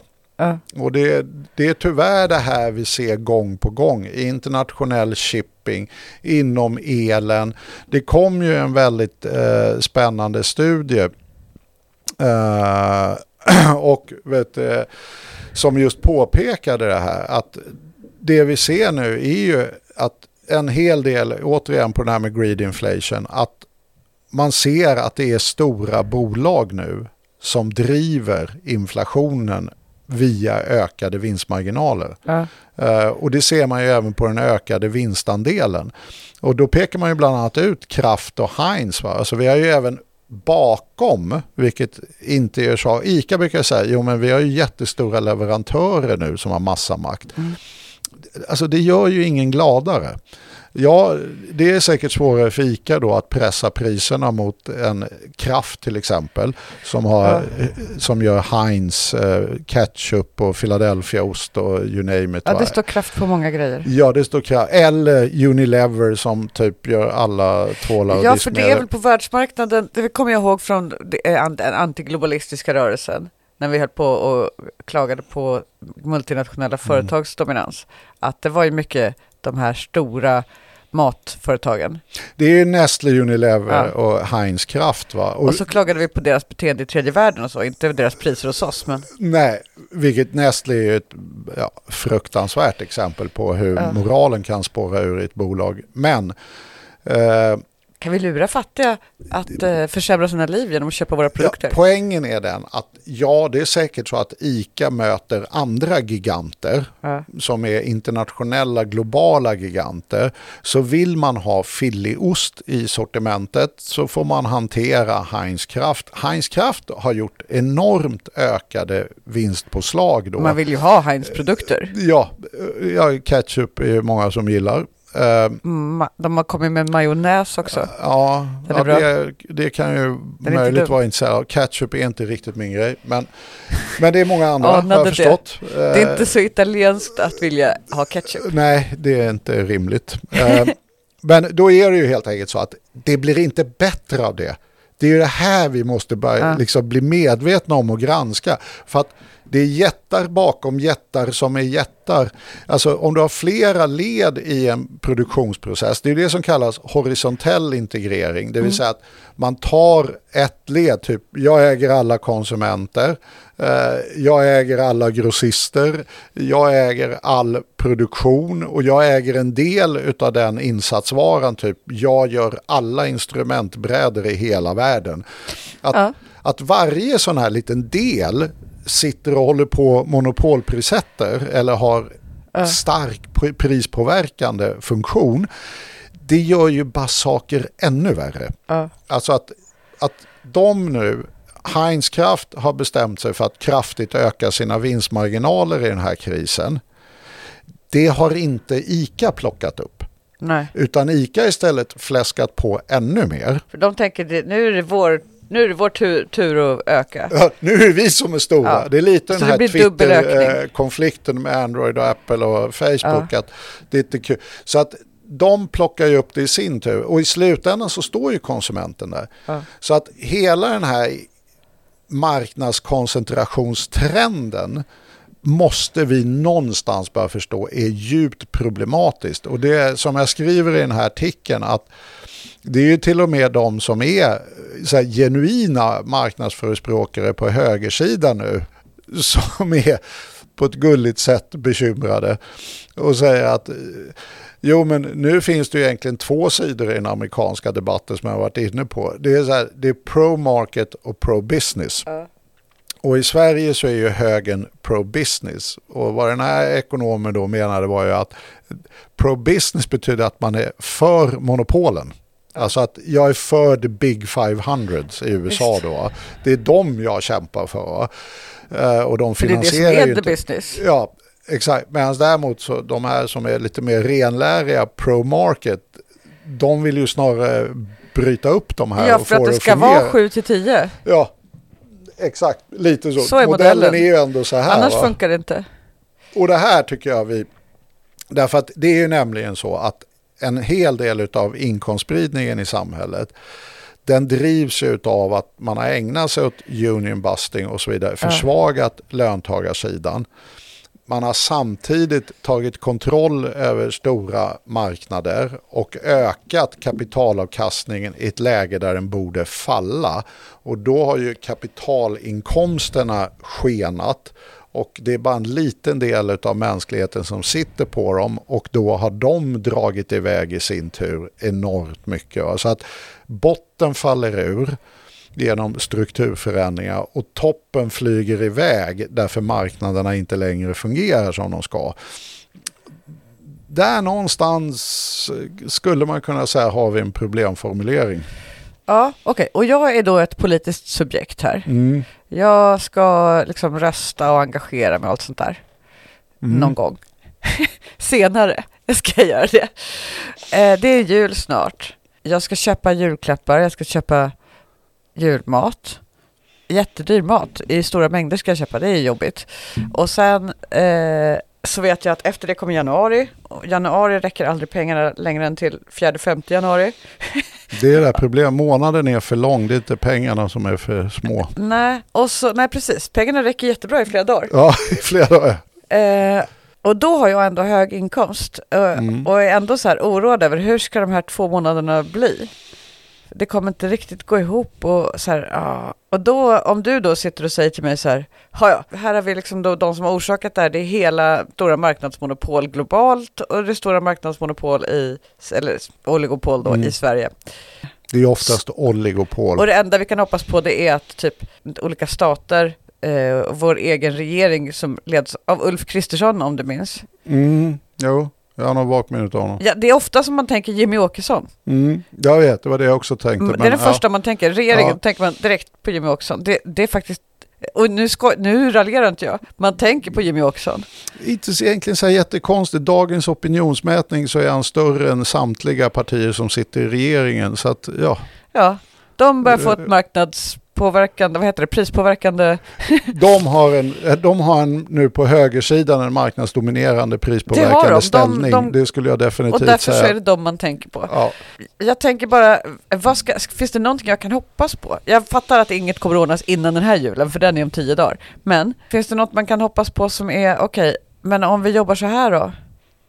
Ja, men om, om vi tappade lite respekten för, alltså nu vet jag att det här är bara fullständiga vansinnigheter, men om vi tappade lite respekten för att, jo men det är ju så här det är.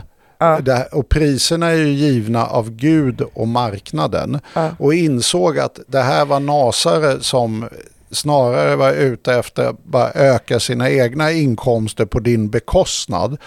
Och att vi började tänka mer så. Då skulle man gå in i sin ICA-affär och så skulle man titta på den här, vilket är också uppenbarligen en käpphäst jag har, den här lagrade grevéosten för 220 spänn. Mm.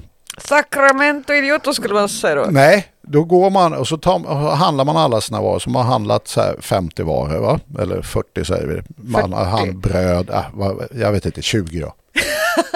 Eh, mer än 10, snabbkassan. vi säger 10. Ja, då kan du ta snabbkassan. det blir 10. Vi har, vi har en ostbit, vi har lite mjölk och så här. Ja. Och sen kommer man till kassan va? och så gör alla det här. Va? Då börjar vi förhandla. Men Ja, jag, stackars- såg att, jag såg att ni tog 220 spänn för den här osten, men eh, jag är villig att ge 110. Kan vi förankra det här med Handelsanställdas förbund först? Ja, ja, jag vet. De kommer ju ta en enorm bara smäll. de som- Jag vet, det håller jag med om. Det är, det är olyckligt att personalen kommer emellan Men det här. kanske va? går att klippa personalen. Men kan, och... man kanske kan säga, kan, jag vill träffa ägaren varje gång. Och säga så Ja, jag vill träffa jag, ägaren. Jag vill, jag Kan du ge mig 110. ägarens telefonnummer så och då, ringer jag. Och, ja, och så säger man så här, då säger han så här, nej men vadå, den kostar ju jättemycket inköp. Men vadå, vad kostar en inköp då? Ja, vad kostar men en den inköp? kostar ju vet 80 eh, spänn inköp. Ja men fan, du tar ju 220 för den. Jag bara, Ja, men jag ger 140. Alltså det skulle ju få systemet att braka ihop.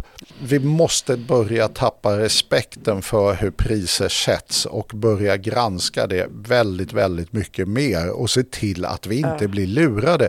Vi blir i praktiken lurade idag. Precis, och de politiska liksom, kraven, man kanske måste alla och inte bara vänstern utan överhuvudtaget börja tänka lite mer på vad ska vi göra åt det? För, för ingen vill ju ha dyr mat. Även om man är pro-business, man vill väl ändå äta rimligt? Ja, men har man mycket pengar så struntar man nog i om jag ska Jo, vara ärlig. men vanliga moderater har ju inte så mycket pengar. Nej, men framförallt inte 50% av väljarkåren har definitivt inte det. Nej? Och och de vill ha 51% billig som vill ha bättre ordning skulle räcka i alla fall. Säg att de älskar Men- miljardärer, men de vill i alla fall ha mat. Men jag tycker att det är rätt kul därför att vi har ju egentligen lagt nu ett matförslag eh, där vi tittar då på hur, ja nu vart det vi, men där man tittar då på... Han menar Vänsterpartiet. Ja, jag menade Vänsterpartiet. jobbar där. Ja, jag jobbar där. Eh, nej, men där vi föreslår lagstiftning på flera områden. Att hur kan vi Ja. komma till rätta med det här? Va? Eh, och bland annat då se till att konkurrensen fungerar mellan butik och grossistled och, så här, och bryta upp de här jättarna. Och så här. Men då blir jag genast orolig, för Det- då tänker jag så här, okej, de har föreslagit lagstiftning. Ja. Det kommer bara bli att jag måste trycka jag accepterar cookies när jag kommer till affären också. Nej, alltså det, det roligaste med det här är att eh, det finns en moderat eh, riksdagsledamot som är väldigt speciell skulle jag säga. Eh, En? Som, ja, eller en som jag har identifierat. En av flera väldigt speciella Twitter, riksdagsledamöter. eller X, förlåt, X. Bäckman. Mm.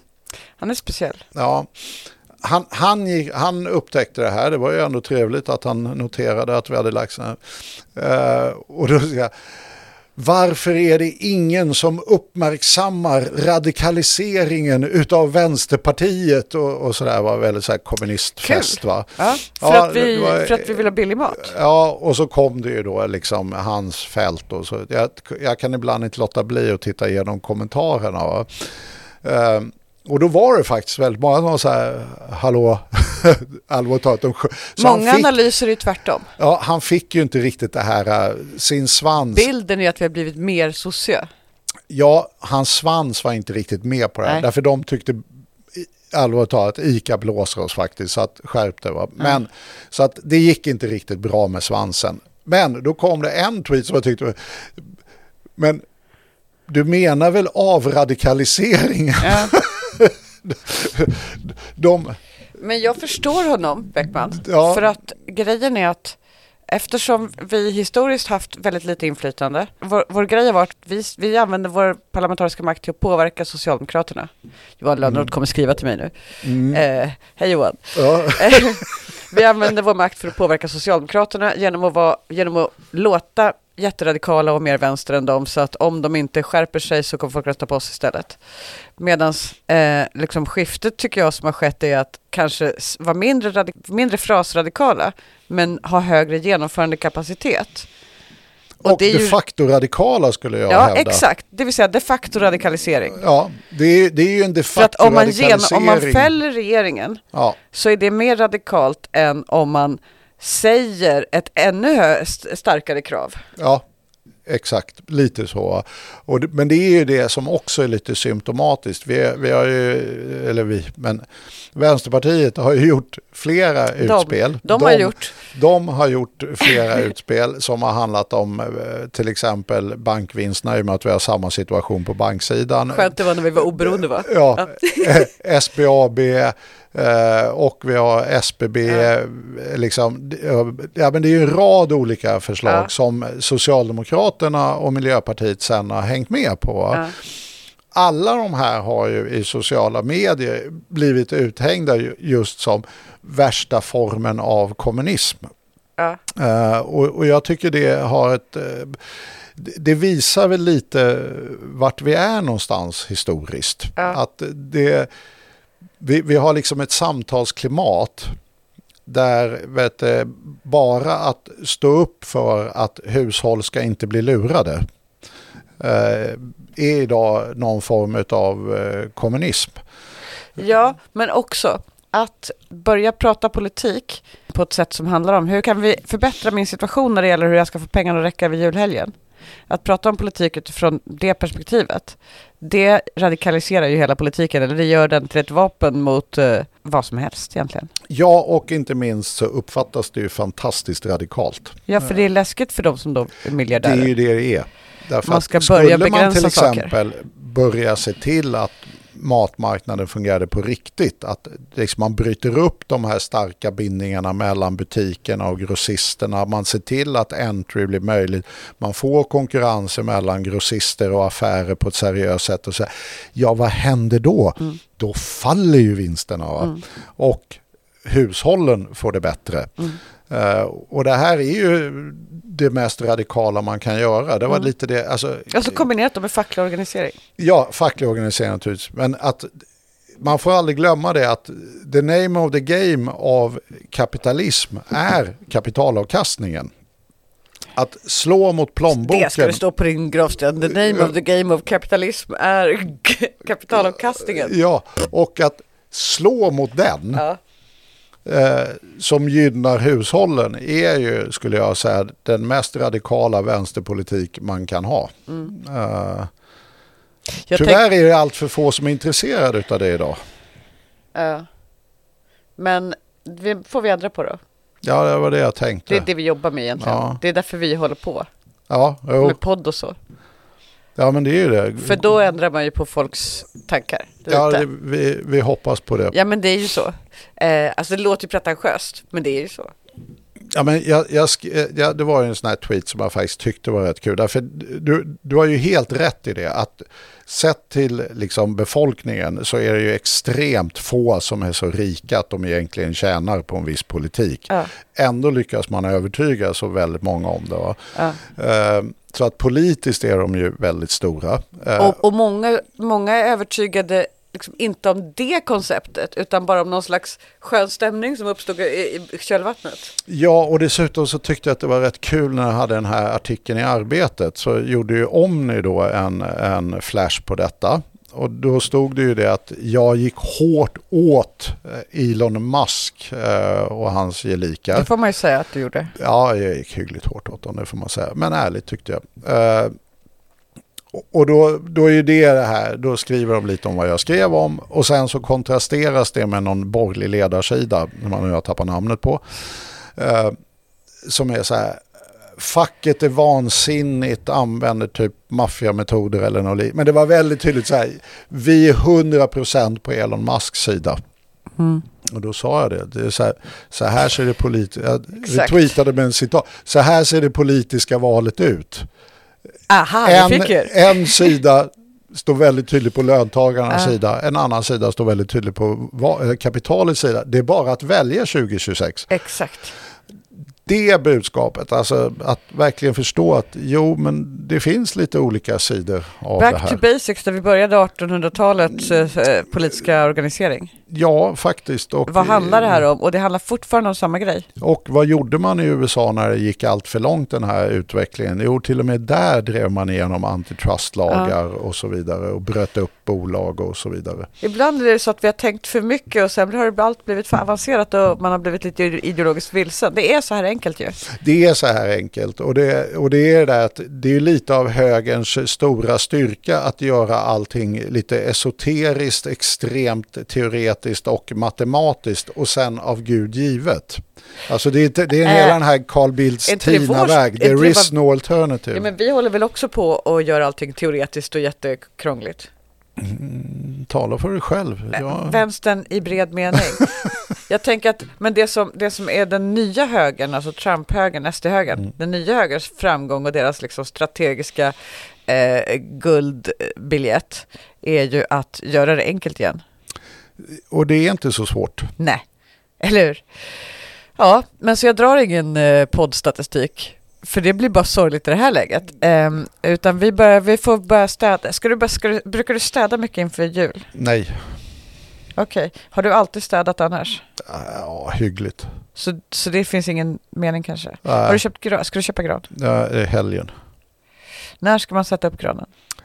Det där är, eh, det tvistar ju de lärda om som det heter. Mm. Ehm, Jag märker en dragning åt tidigare. Jag känner, i år känner jag, tidigare. Jag, jag satte typ upp historiskt granen eh, typ dagen innan julafton. Jag med. Man, man, man köper den och sen så står den ute. Sen tar Mm. man in den på kvällen, Mm. klär den och sen nästa morgon. För min, min, min inre bild det är att man vaknar på julaftonsmorgon och då är det så här, så här änglar som flyger omkring. Ja, det Ja. är mysigt. Och otroligt eh, stämningsfull belysning. Och eh, sinnessjukt magisk julaftonsmorgon. Ja, Det här ska uppstå från en dag till en annan. Så när folk vaknar som inte bryr sig längre och, och kommer upp och tittar så ska det vara så här Åh! Och så ska han tindra med ögonen så här. Ja, jag har ju en dotter som fortfarande bryr sig. Ja. Så att, eh, Han bryr sig nog lite. Ja, det tror jag kanske. också. Eh, men det är, ju- nu är det ju så att jag tänkte faktiskt nu i helgen som har Mm. varit att jag egentligen skulle ha köpt granen där och det tror jag hade varit high score i tidigt. Mm. Men nu kom massa grejer emellan. Jag har Så att- övervägt att testa istället för att skapa den här över natten-förvandlingen. Mm. Lägga på lite varje dag. Då tar vi fram den här ljusstaken.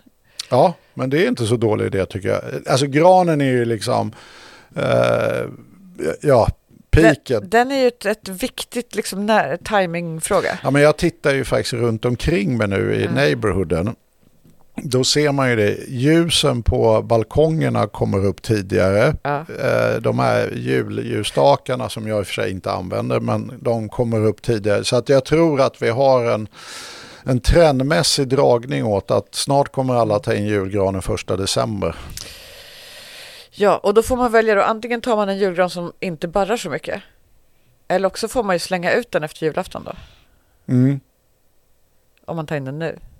Ja, jo, det är väl eh, Viktiga frågor också. viktiga frågor också. Men vi... Jag tänkte säga någonting om julgran och sen så här, jag har inte koll på alla miljöaspekter på julgranar så jag vågar inte säga någonting. Nej, låt oss hoppas att det är en, en eh, klimat... Smart julgran.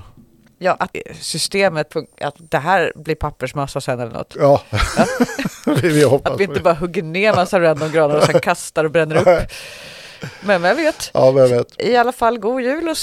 Eller är vi sista innan jul? Ja, det är det nog. Ja, bra. Mm. För att annars är det ju jätteawkward att säga god Ja. jul och sen bara he- hej Ja. igen.